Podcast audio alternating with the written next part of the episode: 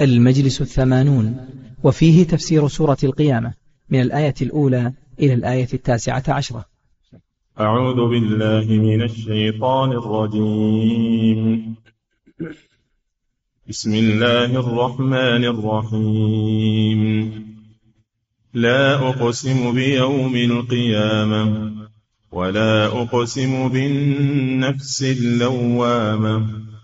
أيحسب الإنسان أن لن نجمع عظامه بلى قادرين على أن نسوي بنانه بل يريد الإنسان ليفجر أمامه يسأل أيان يوم القيامة فإذا برق البصر وخسف القمر وجمع الشمس والقمر.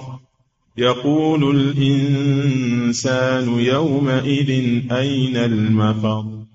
كلا لا وزر إلى ربك يومئذ المستقر. ينبأ الإنسان يومئذ بما قدم وأخر.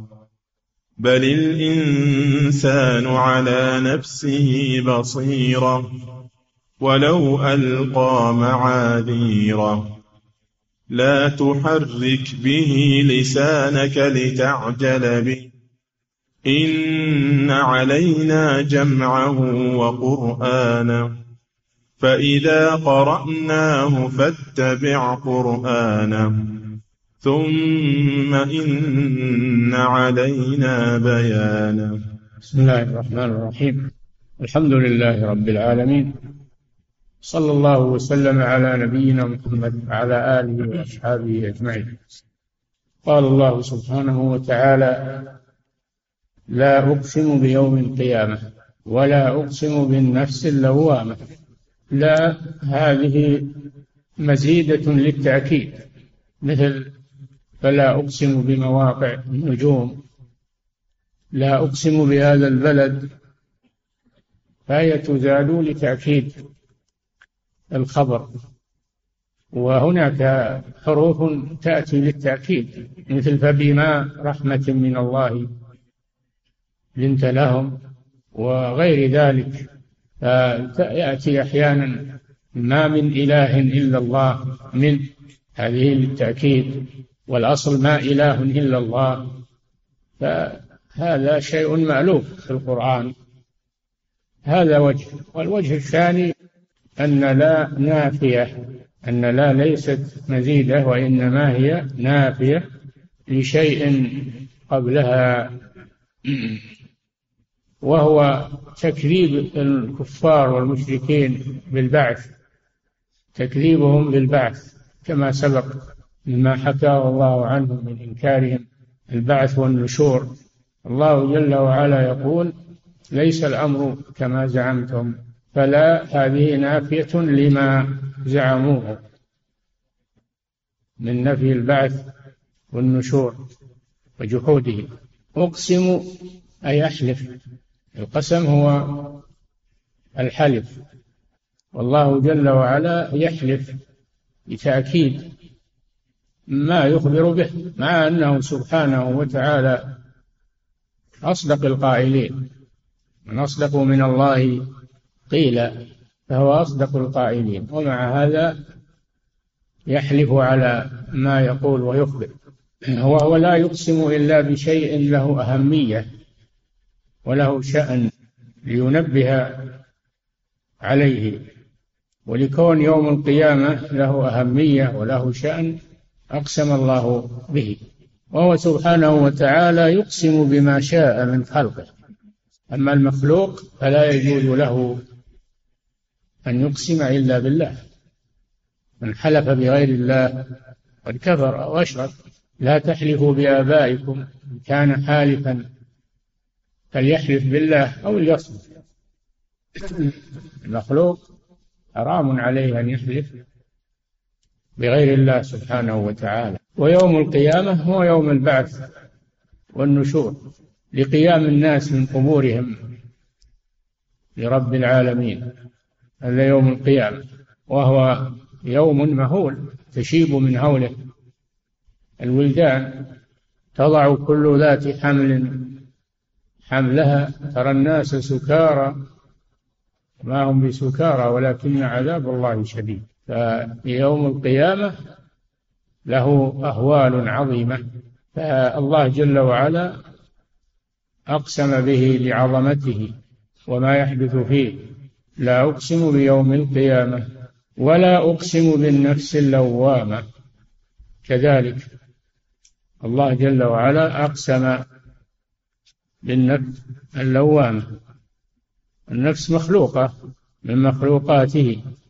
لكن فيها عجائب وعبر. ولذلك أقسم الله بها واللوامة التي تلوم صاحبها نفس المؤمن تلوم صاحبها على المخالفات وتحثه على التوبة. هذه نفس المؤمن. المؤمن إذا حصل منه ذنب أو خطأ لامته نفسه على ذلك وأمرته بالتوبة إلى الله عز وجل. قال الإمام ابن القيم رحمه الله والنفوس ثلاثة أنواع كما جاء في القرآن. النفس الأمارة بالسوء إن النفس لأمارة بالسوء. هذه نفس الكافر دائما تأمره بالسوء والكفر والمعاصي واتباع الشهوات فعل المحرمات. ترك الواجبات فهي أمارة بالسوء. والثانية اللوامة وهي نفس المؤمن كما بينا. والثالثة المطمئنة. يا أيتها النفس المطمئنة وهي التي لا يصدر منها سوء ولا معصية. هذه مطمئنة بالإيمان مطمئنة بالإيمان واليقين. وهذه أعلى أنواع النفوس. فهذه النفس عجيبة ولذلك أقسم الله جل وعلا بها لينبه على شأنها. ولا أقسم بالنفس اللوامة والمقسم عليه هو البعث النشور. ولهذا قال جل وعلا أيحسب الإنسان أي الكافر يحسب الإنسان أي الكافر الذي يجحد البعث والنشور. أيحسب أن لن نجمع عظامه؟ ميت إذا مات وطال عليه العهد؟ يصير ترابا تفنى عظامه تكون رميما. ولذلك قال الكافر من يحيي العظام وهي رميم؟ وهي رميم. الله قادر على أن يجمع هذه العظام المتفرقة واللحوم المتمزقة والشعور المتناثرة. قادر على أن يعيدها. الذي خلقها أول مرة قادر على إعادتها. من باب أولى. قد علمنا ما تنقص الأرض منهم. وعندنا كتاب حفيظ. فالميت وإن تحلل وصار ترابا فإن الله يعيده كما كان. ويجمع عظامه. النخرة والرميم يعيدها كما كانت ونص على العظام لأنها هي هيكل هي هيكل البدن ويكسوها الله جل وعلا باللحم. لن نجمع عظامه؟ بلى نجمعها. قادرين. حال منصوب على الحال. علامة نصبه الياء نيابة عن الفتحة. أنه ملحق بجمع المذكر السالم قادرين قادرين على أي شيء؟ على أن نسوي بنان أصابعه أصابع الإنسان أن يسويها. فيه معنيان قولان للمفسرين القول الأول أن الله قادر على أن يجعلها كخف البعير متشابكة كخف البعير. ولا يفرقها كما كانت في الدنيا. عقوبة له فإن هذه المصابع المختلفة المتفرقة من عجائب قدرة الله لأجل يسهل على الإنسان الأخذ والإعطاء والقبض والبسط. وغير ذلك فهو قادر على أن يسلب هذه النعمة ويجعلها كخف البعير. هذا قول. أن نسوي بنانا نجعلها سواء. لا فصل بينها ولا اختلاف بينها بالطول والقصر. والقول الثاني ألا قادرين على أن نسوي بنانه لأن البنان هو أعجب ما في الإنسان وما فيه من الخلقة الدقيقة والعروق الدقيقة والمفاصل فهي من أعجب ما في الإنسان. فإذا فنيت في القبر تلاشت فإن الله قادر على أن يعيدها كما كانت مع دقة خلقتها وخفاء معالمها.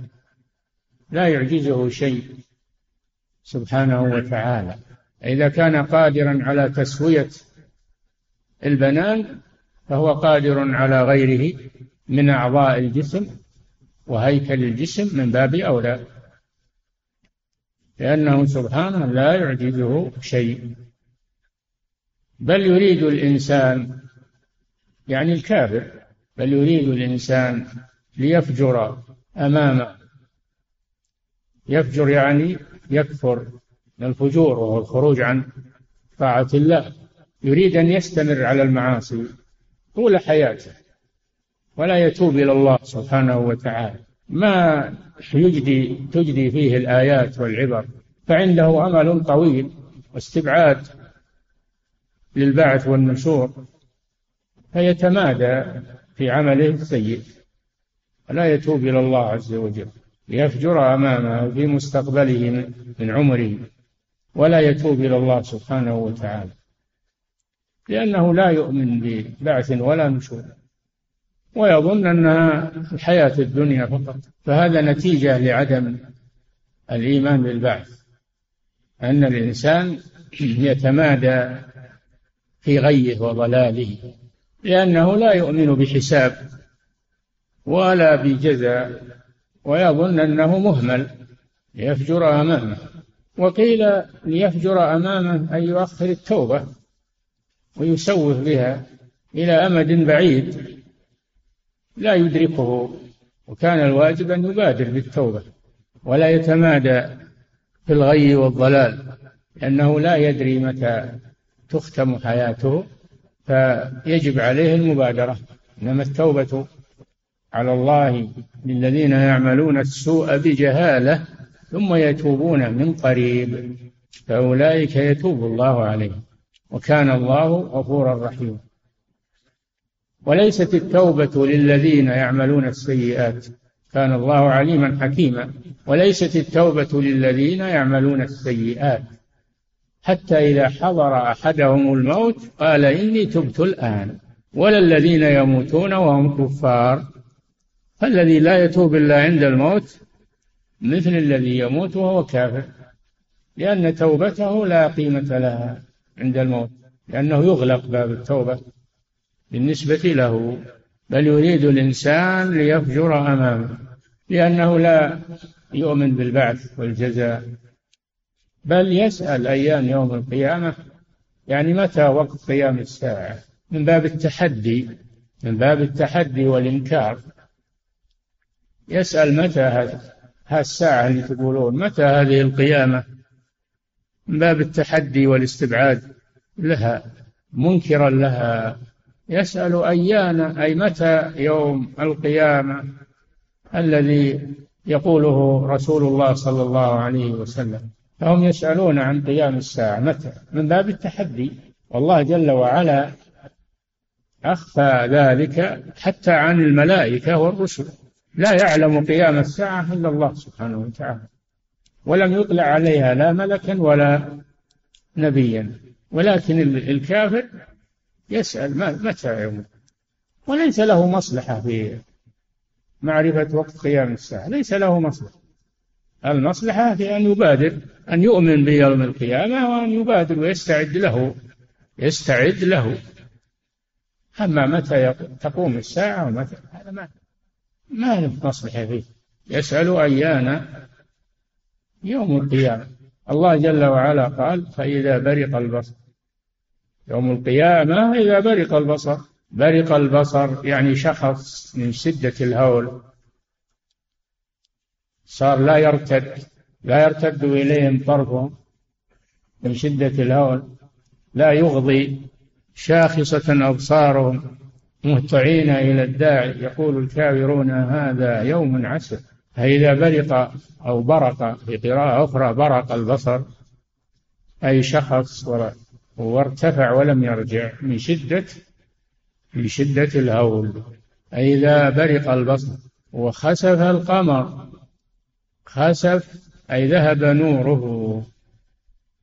ذهب نور القمر وكورت الشمس وذهب ضوءها. هذا من هذا وقت قيام الساعة. فإذا برق البصر خسف القمر.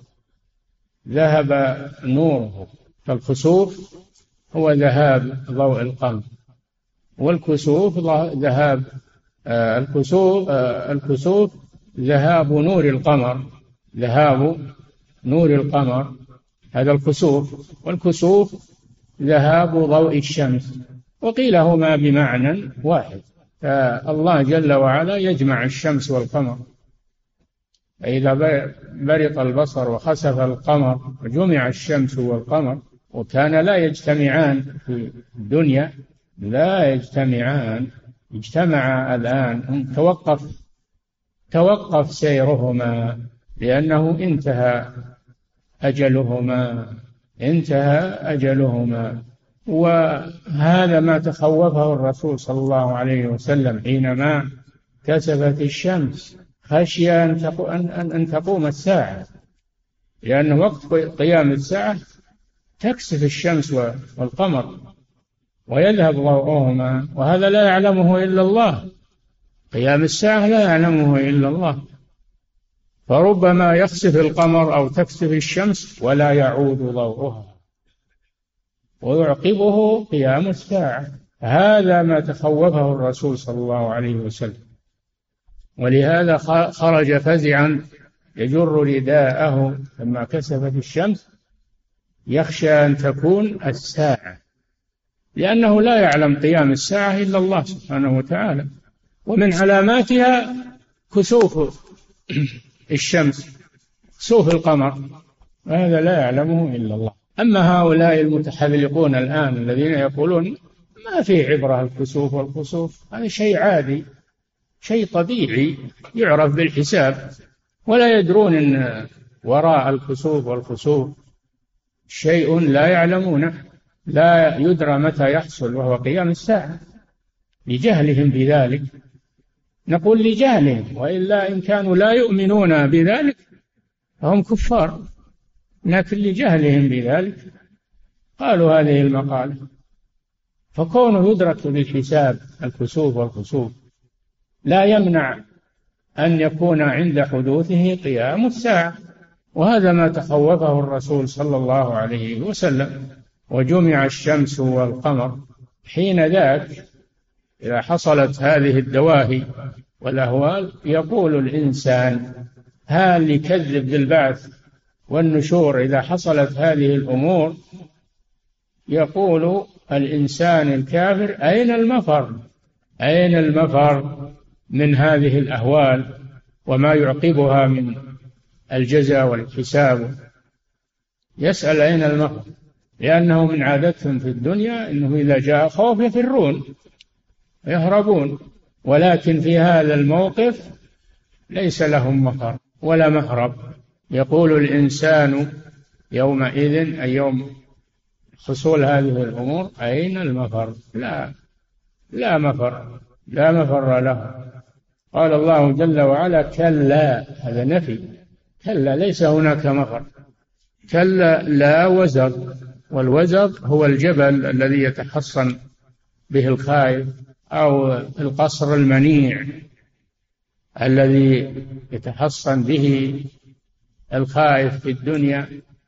يوم القيامة ما في ما في جبال ولا في قصور حصينة ولا في ملاذ ما فيه ملاذ ويسألونك عن الجبال فقل ينسفها ربي نسفا فيذرها قاعا صفصفا. لا ترى فيها عوجا ولا أمتا ما ما فيه ملاذ يلوذ به الخائف في هذا اليوم. كلا لا وزر. أي لا مكان يختفي فيه الخائف تحصن فيه. بل هو بارز لا يخفى على الله سبحانه وتعالى. والإنسان يومئذ أين المفر. كلا لا وزر. إلى ربك يومئذ المستقر. ما لهم محيد عن الله جل وعلا. ما لهم محيد عن الله. الذي كفروا به في الدنيا كذبوا بآياته. ليس لهم محيد عنه يوم القيامة. يلاقونه سبحانه وتعالى. كل يلاقي الله. المؤمن والكافر. كلهم يلاقون الله جل وعلا ولا يختفون يا معشر الجن والإنس إن استطعتم أن تنفذوا من أقطار السماوات والأرض فانفذوا. لا تنفذون إلا بسلطان. ما لهم مهرب عن الله جل وعلا. ثم ردوا إلى الله مولاهم الحق. ضل عنهم ما كانوا يفترون. فلا مفر لك من الله. لا بد أن تلقاه.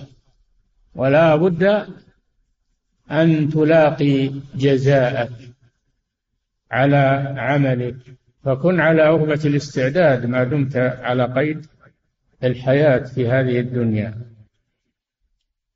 ما فيه دار تبي تستعد فيها غير هذه الدنيا. الآخرة ما فيها عمل جزاء فقط. ما فيه عمل إلا في هذه الدنيا. فاغتنم وجودك في هذه الدنيا واستعد. للقاء الله سبحانه وتعالى. إلى ربك يومئذ المستقر أي القرار الذي لا مفر منه ولا محيد العادة أنك إذا صرت خايف من أحد من سلطان من أمير من عدو أنك تفر منه تهرب منه. يوم القيامة ما لك مردك إلى الله سبحانه وتعالى. الذي كفرت به في الدنيا عصيته أنت راجع إليه. وواقف بين يديه إلى ربك يومئذ المستقر. ماذا يحصل في هذا اليوم؟ ينبأ الإنسان يخبر الإنسان. ينبأ الإنسان يومئذ بما قدم وأخر من الأعمال بما قدم لآخرته وما أخر في الدنيا وقيل بما قدم من الطاعة وأخر من المعاصي أو ما قدم في أول عمره وما أخره في آخر عمره. بما قدم وأخر لا يترك شيء من أعماله. ينبأ الإنسان يومئذ بما قدم وأخر ينبأ يوقف على عمله ويعطى كتابه ويقال له اقرأ كتابك كفى بنفسك اليوم عليك حسيبا ولا ينكر منه شيئا لا ينكر منه شيئا. ينبأ الإنسان يومئذ بما قدم وأخر. ثم قال جل وعلا بل الإنسان على نفسه بصيرة. مع كونه ينبأ بما قدم وأخر في الكتاب الذي سجل عليه ودفع إليه أيضا تشهد عليه أعضاؤه وجلده بل الإنسان على نفسه بصيرة أي آية وعلامة. وذلك حينما يختم على فيه وتتكلم يده ورجله وجلده بما كان يعمل. وقالوا لجلودهم لم شهدتم علينا؟ قالوا أنطقنا الله. الذي أنطق كل شيء وهو خلقكم أول مرة فمع أنه يعطى هذا الكتاب الذي لا يغادر صغيرة ولا كبيرة إلا أحصاها سجلته عليه الملائكة الحفظة أيضا نفسه تشهد عليه جسمه يشهد عليه بل الإنسان على نفسه بصيرة أي بينة بينة بشهود أعضائه عليه ولو ألقى معاذيره. لو أراد أن يعتذر يوم القيامة لا يؤذن لهم فيعتذروا. هو وقت اعتذار هذا؟ ولا ينفع الاعتذار. ولا عذر له. لا عذر له. فلو اعتذر شهدت عليه أعضاؤه وجلده فلا ينفعه الاعتذار. ولو ألقى معاذيره. ثم إن الله سبحانه وتعالى وجه نبيه صلى الله عليه وسلم ماذا يعمل عند نزول الوحي عليه لأن الرسول صلى الله عليه وسلم كان إذا نزل عليه الوحي يشتد به الأمر ويستعجل في قراءة القرآن الذي يلقيه عليه جبريل. يخشى أن ينساه يخشى أنه ينساه. فيحرك لسانه وشفتيه قبل أن ينهي جبريل عليه السلام. القراءة عليه. يخشى أنه ينسى. الله تعهد له بأن يحفظ عليه هذا القرآن. ولا يحتاج إلى أنه يكلف نفسه في هذه الكلفة والحفزة لا تحرك به أي بالقرآن. وقت نزوله عليك بواسطة جبريل عليه السلام. لا تحرك به لسانك لتعجل به. كما قال جل وعلا ولا تعجل بالقرآن من قبل أن يقضى إليك وحيه. بل استمع إلى جبريل. استمع له حتى ينهي ما جاء به براحة وطمأنينة. لا تحرك به لسانك لتعجل به. إن علينا جمعه لا تخاف أنه يضيع منه شيء. حينما تستعجل لا تخاف أنه يضيع منه شيء. إن علينا جمعه في صدرك جمعه في صدرك. ولا يضيع منه شيء. وقرآنه كذلك نيسر عليك قراءته بدون عجلة. فإذا قرأناه يعني قرأه جبريل عليه السلام قرأه عليك فاتبع قرآنه. اتبع قرآن جبريل عليه السلام. هذا إرشاد من الله لرسوله عند نزول الوحي كيف يستقبل الوحي. تعهد الله له بجمعه في صدره وتعهد الله له بأن يسهل عليه قراءته وأمره أن يصغي إلى جبريل حتى ينهي ما نزل به من القرآن. فإذا قرأناه فاتبع قرآنه. ثم إن علينا بيانه تفسيره وبيان أحكامه. سنبينه لك بالوحي الثاني وهو السنة النبوية. ثم إن علينا بيانه أي تفسيره توضيحه لك. تعهد الله له بهذه الأمور ثلاثة أمور جمعه بصدره وقرآنه بلسانه وأن يبين له معانيه وأحكامه. فهذا تطمين للرسول صلى الله عليه وسلم وحفظ لهذا الوحي من أن يضيع منه شيء وتخفيف عن الرسول صلى الله عليه وسلم في تحفظه حرصا على حفظ القرآن وعدم نسيان شيء منه. الله تكفل بذلك. قال سبحانه وتعالى إنا نحن نزلنا الذكر وإنا له لحافظون.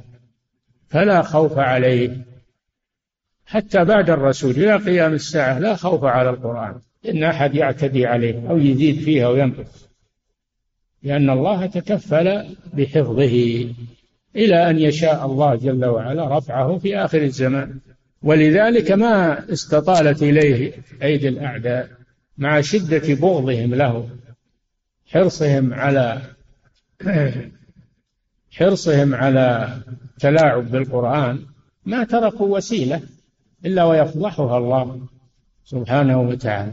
وسيبقى هذا القرآن كما أنزله الله إلى أجله الذي كتبه الله سبحانه وتعالى في آخر الزمان. أما الكتب السابقة فإن الله عهد بحفظها إلى علماء بني إسرائيل.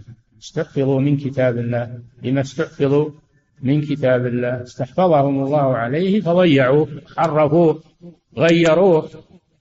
أما هذا القرآن فلن تتطاول إليه يد بأي تغيير لأنه محفوظ بحفظ الله سبحانه وتعالى. وهذا من إعجاز هذا القرآن العظيم الذي هو المعجزة الخالدة لهذا الرسول صلى الله عليه وسلم. الباقية المعجزة الباقية. على مدى الدهر تدل على صدقه صلى الله عليه وسلم.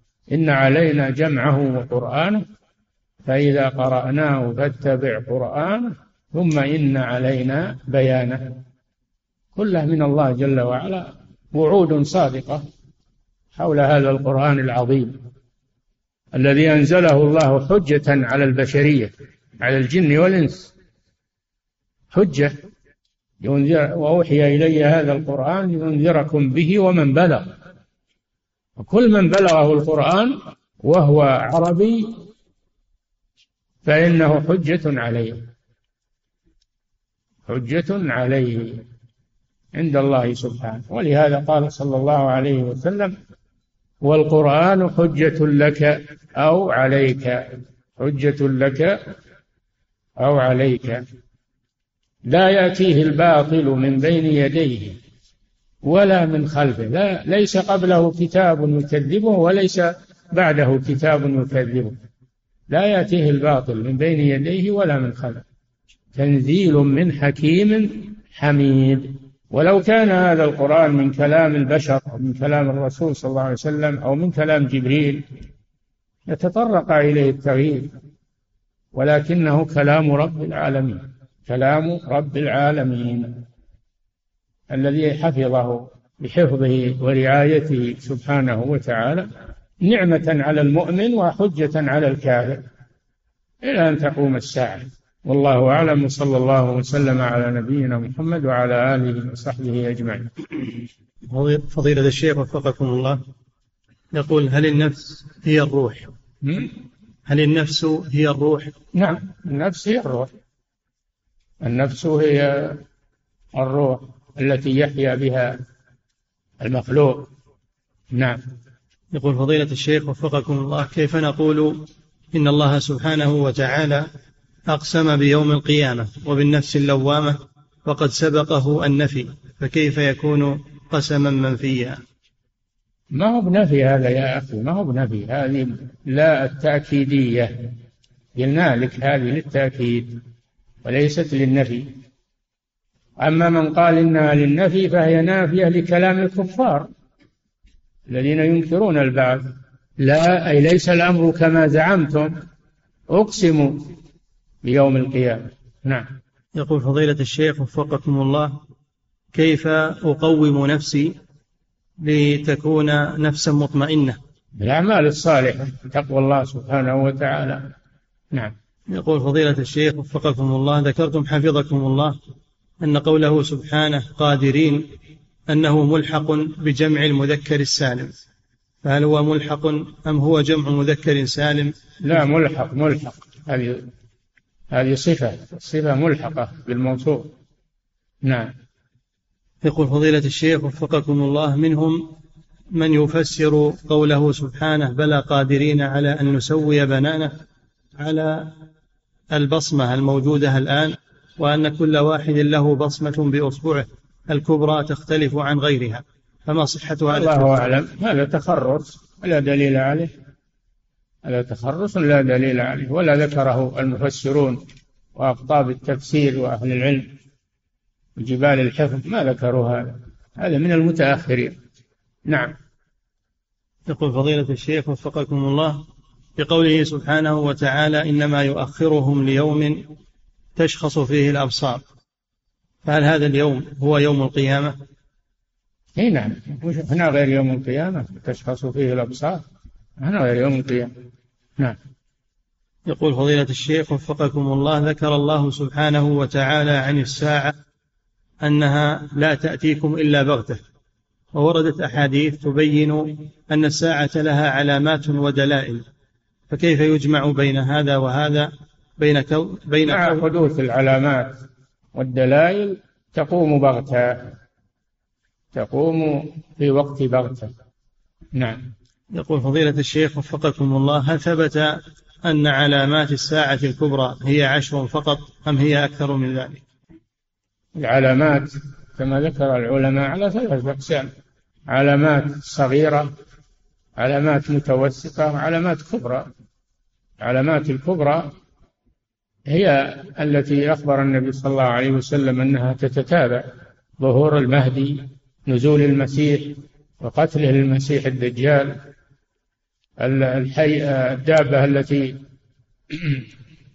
التي تكلم الناس يعني تسمهم تجعل على المؤمن علامة الإيمان وعلى الكافر. علامة الكفر. آه خروج يأجوج ومأجوج طلوع الشمس من مغربها هذه العلامات الكبرى. نعم. يقول فضيلة الشيخ وفقكم الله ذكرتم حفظكم الله أنه ينبغي عدم العجلة في قراءة القرآن الكريم لكن يوجد الآن ما يسمى بقراءة الحدر. وهي القراءة السريعة. فهل أنا ما, أنا ما قلت بعدم العجلة.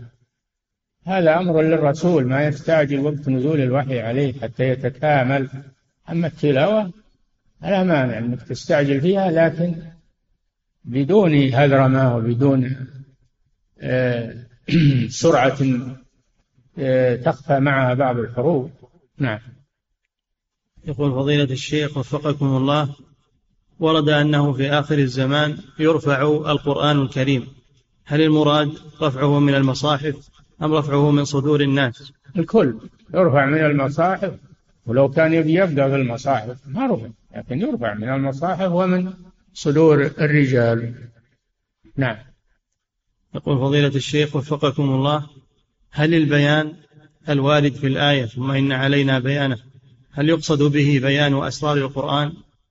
بيان أحكامه أوامره ونواهيه. وذلك من السنة المطهرة لأنها بيان للقرآن وتفسير للقرآن. وأيضا القرآن بعضه يفسر بعضا تنزل الآية ثم بعد ذلك ينزل آية أخرى تبينها وتوضحها. القرآن يفسر بعضه بعضا وأيضا السنة تبين القرآن. نعم. يقول فضيلة الشيخ وفقكم الله هناك من يزهد بحفظ القرآن الكريم ويقول هو حمال أوجه. فما رأي في هذا الكلام؟ هناك من يزهد بحفظ القرآن الكريم ويقول هو حمال حمال أوجه. طيب هو حمال أوجه يمنع أنه يحفظ؟ يحفظ تفسيره يرجع فيه إلى مظانه ومصادره ما هو إلى أهواء الناس وجهالات الناس. فسر بها القرآن. الذي تكفل بحفظ نصوصه تكفل بحفظ معانيه. لا يتلاعب بها. كل نفسره على رأيه وعلى نعم. يقول فضيلة الشيخ وفقكم الله هل النظر في الأصبع أثناء الصلاة عند التشهد؟ هل؟ هل النظر إلى الأصبع في الصلاة عند التشهد هل هو من السنة؟ نعم. ينظر إلى أصبعه عند التشهد وفي غير التشهد ينظر إلى موضع سجوده لأن هذا أجمع لقلبه عن التشتت. نعم. يقول فضيلة الشيخ وفقكم الله ما الصفة التي يتعوذ بها المصلي عند مروره بآية عذاب أو أو أو يسأل عند آية رحمة؟ تعوذ بالله من عذاب الله. يسأل الله الرحمة إذا مر بآية رحمة. يسأل الله. نعم. يقول فضيلة الشيخ وفقكم الله بلع بعض بقايا السواك في الصلاة. هل هي بلع بقايا السواك أثناء الصلاة؟ هل هي مبطلة للصلاة؟ لا ما يضر. هذا ما يضر. إذا ابتلع شيئا يسيرا على أسنانه هو المطلوب أنه يلفظه فإذا لم يتمكن من لفظه وابتلعه فلا يضر. نعم. يقول فضيلة الشيخ وفقكم الله ورد أن خاتم النبوة الذي في ظهر النبي صلى الله عليه وسلم كأنه زر الحجلة. ما معنى ذلك؟ والله شبه الحجلة. رحل الحجلة وصلها وشبه ما أنا ما أذكر أنه شبه بزر الحجلة. نعم. يقول, نعم. فضي... يقول فضيلة الشيخ وفقكم الله بقوله سبحانه وتعالى يا أيها الناس قد جاءكم برهان من ربكم. ما المراد بالبرهان في هذه الآية؟ قرآن. القرآن. وأنزلنا إليكم نورا مبينا. جاءكم برهان من ربكم وأنزلنا إليكم نورا مبينا. فالبرهان هو القرآن. هذا البرهان المتلو. وأما البراهين العقلية هذه الآيات الكونية من الليل والنهار والشمس والقمر والبحار والأشجار هذه آيات كونية والآيات القرآنية هي الوحي المنزل نعم. وهي البرهان نعم. يقول فضيلة الشيخ وفقكم الله لو نزل مطر غزير وعند صلاة المغرب توقف هذا المطر حتى صلى الناس فجمعوا العشاء معها. ثم بعد صلاتهم بنحو عشر دقائق عاد نزول المطر. سؤاله ما الأفضل في حقي؟ هل أجمع معهم؟ وهل أنا آثم إذا جمعت؟ اجمع مع المسلمين ما دام جمعوا اجمع معهم. وقت نزول المطر الغزير ما هو بالمطر الرذاذ أو الرش اليسير لا المطر الغزير الذي يبل الثياب. فإذا جمعوا فاجمع معهم. نعم.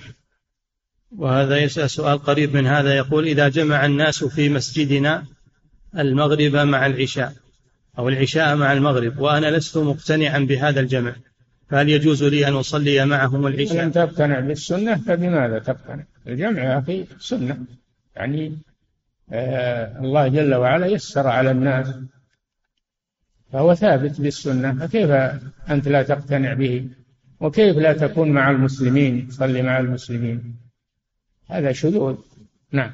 لكن ربما أنه يقصد الغير مقتنع بالعذر الذي حصل أنه ما ما يستدعي الجمع ما يستدعي الجمع. إن كان هذا هو قصده. إذا كنت ما تقتنع بالعذر لا تجمع. أما إذا كان قصدك ما أنت مطمئن إلى الجمع أصلا تقول أنه ما له أصل هذا مشكلة. نعم. فضيلة الشيخ وفقكم الله. هذه امرأة مقيمة في بريطانيا. تسأل فتقول تزوجت من رجل وأعطاني مهرا قدره عشرة آلاف جنيه وكذلك أعطاني هدايا من الذهب والملابس وقد طلبت الخلع منه وتريد أن تعرف ماذا عليها من إعادة المهر والهدايا هل يجب عليها إعادتها؟ عليها أن تعطيه ما طلب لأنها مفتدية. هذا والفدية ليس لها حد. فتعطيه ما طلب من أجل أن يطلقها أو يخلعها. نعم. فضيلة الشيخ وفقكم الله هذا موظف يسأل يقول أريد أن أذهب إلى دورة لمدة ستة أشهر. موظف يسأل فيقول أريد أن أذهب إلى دورة لمدة ستة أشهر بدون مرتب من العمل لكن لا يقبل في هذه الدورة الموظف. ويسأل هل لي أن أقول إني لا أعمل؟ حتى لا الكذب لا يجوز. الكذب والاحتيال لا يجوز. ألزم الصدق والزم النظام لا تخالفه. نعم. يقول فضيلة الشيخ وفقكم الله هل المنافق إذا تبين نفاقه يقتل؟ نعم. هل المنافق إذا تبين نفاقه يقتل؟ وما معنى قوله سبحانه ملعونين أينما ثقفوا أخذوا وقتلوا تقتيلا. قتلوا ولي الأمر. إذا رأى ولي الأمر المصلحة بقتله وثبت عليه ثبت عليه ما يستوجب قتله قتله. هذا يرجع لولي الأمر. حاكم الشرعي. أو كل يقتل. لا ما يجوز. هذه فوضى. نعم. يقول فضيلة الشيخ وفقكم الله تسألون أحيانا عن بعض المقالات الباطلة وعن أصحابها فتبينون الحق في ذلك جزاكم الله خيرا. لكن بعض المدافعين عن أصحاب تلك المقالات يقولون إن الشيخ صالح لو علم أن هذا القول لفلان لما رد عليه. سؤاله هل معرفة القائل لها دخل وتأثير في بيان الخطأ وتغيير الفتوى؟ أبدا الباطل يرد على من قاله كائنا من كان. الباطل يرد على من قاله كائنا من كان ولا يدارى أحد في ذلك. نعم. يقول فضيلة الشيخ وفقكم الله يقول السائل صليت أنا وبعض الم... صليت أنا وبعض المأمومين خارج المسجد فانقطع صوت المكبر صل يقول صليت أنا وبعض المأمومين خارج المسجد فانقطع صوت المكبر ولم نسمع صوت الإمام ولم نستطع الاقتداء بمن خلفه فقام أحد المأمومين وتقدم وصلى بنا إماما وقطعنا متابعتنا للإمام الأول. سؤاله هل فعلنا هذا صحيح؟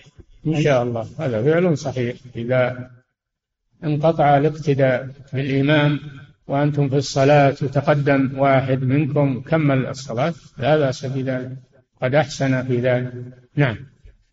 يقول فضيلة الشيخ وفقكم الله يقول صليت المغرب والعشاء وبعد انتهاء صلاة العشاء ذكر لي أن في ثوبي دما من خلف الظهر من خلف ظهري ولم أعلم به بسبب جرح فهل علي الإعادة؟ لا ليس عليك الإعادة لكن عليك أن تغسله للمستقبل. صلاتك صحيحة إن شاء الله. نعم. يقول فضيلة الشيخ وفقكم الله هل يجوز للمسلمين في الدول الكافرة أن يشاركوا في الانتخابات إذا غلب على ظنهم أن ذلك سيحسن أوضاعهم ويحقق مصالحهم. أنا لا أقول ذلك ولا أجيز للمسلم أنه يدخل في نظام الكفار وحكم الكفار. لا أرى هذا. نعم. يقول فضيلة الشيخ وفقكم الله تحريم الصلاة في المساجد التي فيها قبور. هل ورد؟ نعم. يقول تحريم الصلاة في المساجد التي فيها قبور. هل ورد عليه دليل أم أنه من باب سد الذريعة فقط؟ يا سبحان الله. ما ورد عليه دليل. الرسول صلى الله عليه وسلم يقول ألا فلا تتخذوا القبور مساجد؟ يعني لا تصلون عندها. المسجد ما هو خاص بالمبني المسجد الصلاة عندها. من صلى في مكان فقد اتخذه مسجدا. قال صلى الله عليه وسلم جعلت لي الأرض مسجدا وطهورا. الصلاة عند القبور ما اتخاذ لها مساجد ولو ما عليها مساجد مبنية. لا يجوز هذا. نهى عنه الرسول في أحاديث كثيرة وأخبر أنه من فعل اليهود والنصارى. نعم. يقول فضيلة الشيخ وفقكم الله عند الجمع للمطر بين المغرب والعشاء هل تصلى السنة الراتبة للمغرب وكذلك العشاء؟ وهل تقرأ أذكار ما بعد الصلاة؟ نعم إذا جمع بين المغرب والعشاء هذا أجبنا عليه في درس سابق. أن إذا أتى بأذكار المغرب تدخل فيها أذكار العشاء. وأما الراتبة كونه يصلي راتبتين واحدة للمغرب واحدة للعشاء هذا أتم وأحسن. وإذا اقتصر على ركعتين ونوى التداخل بذلك لا بأس. نعم. يقول فضيلة الشيخ وفقكم الله ورد في درس بلوغ المرام الأسبوع الماضي في تحديد مسافة قصر الصلاة في السفر. قلتم من حيث الدليل عدم التحديد أوضح ومن حيث المعنى فالتحديد أضبط. نعم. ما هو؟ يقول نعم. ما الراجح في ذلك؟ هل هو التحديد أم عدمه؟ الراجح التحديد لأن لو ذهبنا إلى عدم التحديد ما صار فيه سفر في هذا الزمان بسبب الطائرات السريعة والنفاثات ما في سفر في هذا الزمان تقارب الأقطار والبلدان. المسافة لا شك أنها البط نعم. يقول فضيلة الشيخ وفقكم الله صفوف النساء في الصلاة إذا كانت مؤتمة بالرجال هل تبدأ من اليمين ثم يكمل الصف تباعا أم تبدأ من الوسط؟ مثل صفوف الرجال تماما. تبدأ مثل ما تبدأ صفوف الرجال تماما إلا أنها خلف الرجال. نعم. يقول فضيلة الشيخ وفقكم الله هل ورد دليل أنه لا صلاة لمنفرد خلف الصف وإذا لم يجد فرجة ورد دليلان يا أخي دليلان من السنة. الأول حديث وابصة بن معبد رأى رجلا يصلي خلف الصف رأى النبي صلى الله عليه وسلم رجلا يصلي خلف الصف فأمره أن يعيد الصلاة. الحديث الثاني قال صلى الله عليه وسلم لا صلاة لفذ خلف الصف. نعم. ويقول فضيلة الشيخ وإذا لم يجد فرجة في الصف ينتظر. إذا لم يجد فرجة في الصف ينتظر حتى يأتي من يصفه معه وهو معذور في هذا. نعم. يقول فضيلة الشيخ وفقكم الله هل وردت الاستعاذة من الشيطان الرجيم بعد التثاؤب؟ لا. الذي ورد أنه يكظم التثاؤب ويغطي فمه. هذا الذي ورد. نعم. يقول فضيلة الشيخ وفقكم الله هل ثبت أن المسلم بعد إتيانه بأذكار الصباح والمساء ينفث بيديه ثم يمسح سائر جسده؟ هذا عند النوم هذا يفعله النبي صلى الله عليه وسلم عند النوم إذا أوى إلى فراشه. نعم. يقول فضيلة الشيخ وفقكم الله اشتريت سيارة من المعرض ولكن بعتها في المعرض نفسه بدون أن أخرجها منه. لأن صاحب المعرض يشترط علي ألا أخرجها بل أبيعها في المعرض نفسه لأني قد اشتريتها تقسيطا. فما حكم ذلك؟ شرط صاحب المعرض باطل. ليس له أن يحجر على صاحب السيارة أن يخرجها. صارت ملك للمشتري فلا يحجر عليه. هذا شرط باطل. وأما إذا باعها في نفس المعرض فهذا قبض ناقص لأن القبض التام هو نقلها. من مكان البائع إلى مكان المشتري. هذا هو القبض التام الذي لا إشكال فيه. نعم. يقول فضيلة الشيخ وفقكم الله إذا مات شخص وعليه صيام فريضة. إذا مات شخص وعليه صيام فريضة. نعم. هل يجوز أن يصوم عنه شخص آخر بمبلغ من المال؟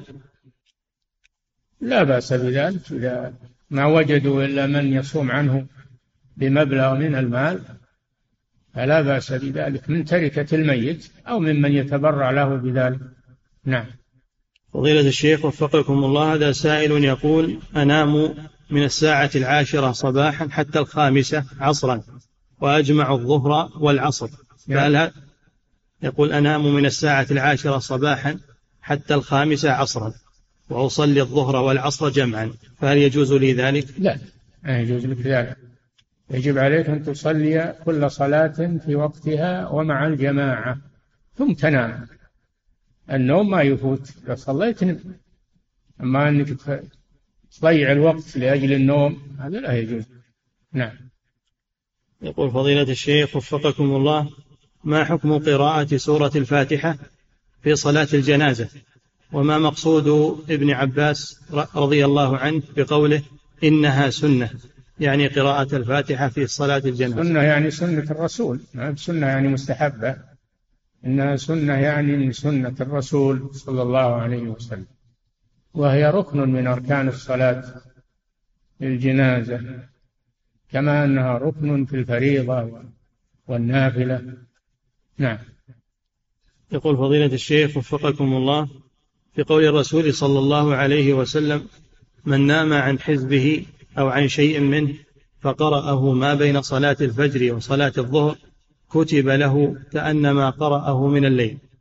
ما المراد بها؟ ما هو بالقراءة ما هو بالقراءة؟ صلاة الوتر هذا الوتر إذا إذا نام عن وتره أو نسيه من الليل فصلاه فيما بين ارتفاع الشمس إلى دخول وقت الظهر مع شفعه ما يخليه وتر يشفعه فيكون قد استدرك استدرك ما فاته. نعم. يقول فضيلة الشيخ أما القراءة ليس لها وقت معين. تقرأ القرآن في أي وقت. نعم. يقول فضيلة الشيخ وفقكم الله في قوله تعالى وإن تجهر بالقول فإنه يعلم السر وأخفى. ما ما هو الذي أخفى من السر؟ لا يعلمه إلا الله سبحانه وتعالى. نعم. يقول فضيلة الشيخ وفقكم الله يقول حفل حفل زواجي قريب إن شاء الله وأنا ممن يرى حرمة التصوير بالجوال. تعلمون نعم. حفظ يقول حفل زواجي قريب إن شاء الله وأنا ممن يرى حرمة التصوير بالجوال. تعلمون حفظكم الله انتشار التصوير في حفلات الأفراح. فهل يلزمني أن أنكر عليهم إذا قاموا بتصويري؟ اشترط عليهم أنهم ما يعملون الشيء هذا. اشترط عليهم وإذا قدرت أنك تمنعهم امنعهم. لكن اشترط عليهم أن ما يكون فيه تصوير ولا يكون فيه شيء من المعاصي. وإذا قدرت على منعهم بالفعل امنعهم يجب عليك هذا. نعم. يقول فضيلة الشيخ وفقكم الله هل فسر النبي صلى الله عليه وسلم القرآن كله لأصحابه؟ نعم الله أعلم أنه فسره لكن قد يكون بعض ما فات عليهم روايته. فاتت روايته عليه. الله أعلم. نعم. يقول فضيلة الشيخ وفقكم الله يقول ولدي عمره سبعة عشر عاما ويؤخرني عن الصلاة. ها؟ يقول ولدي عمره سبعة عشر عاما ويؤخرني عن الصلاة. ولا يأتي حتى تقام الصلاة حتى صلاة الجمعة ينام ويتأخر عنها. يقول هل أتركه وهو يتحمل الإثم؟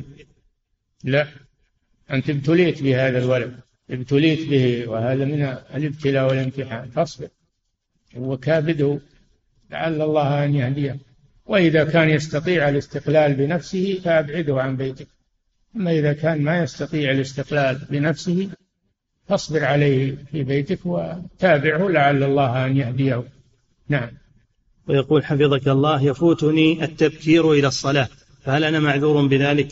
نعم أنت معذور بذلك لأنك مع مع ابنك تريد أن يحضر إلى الصلاة.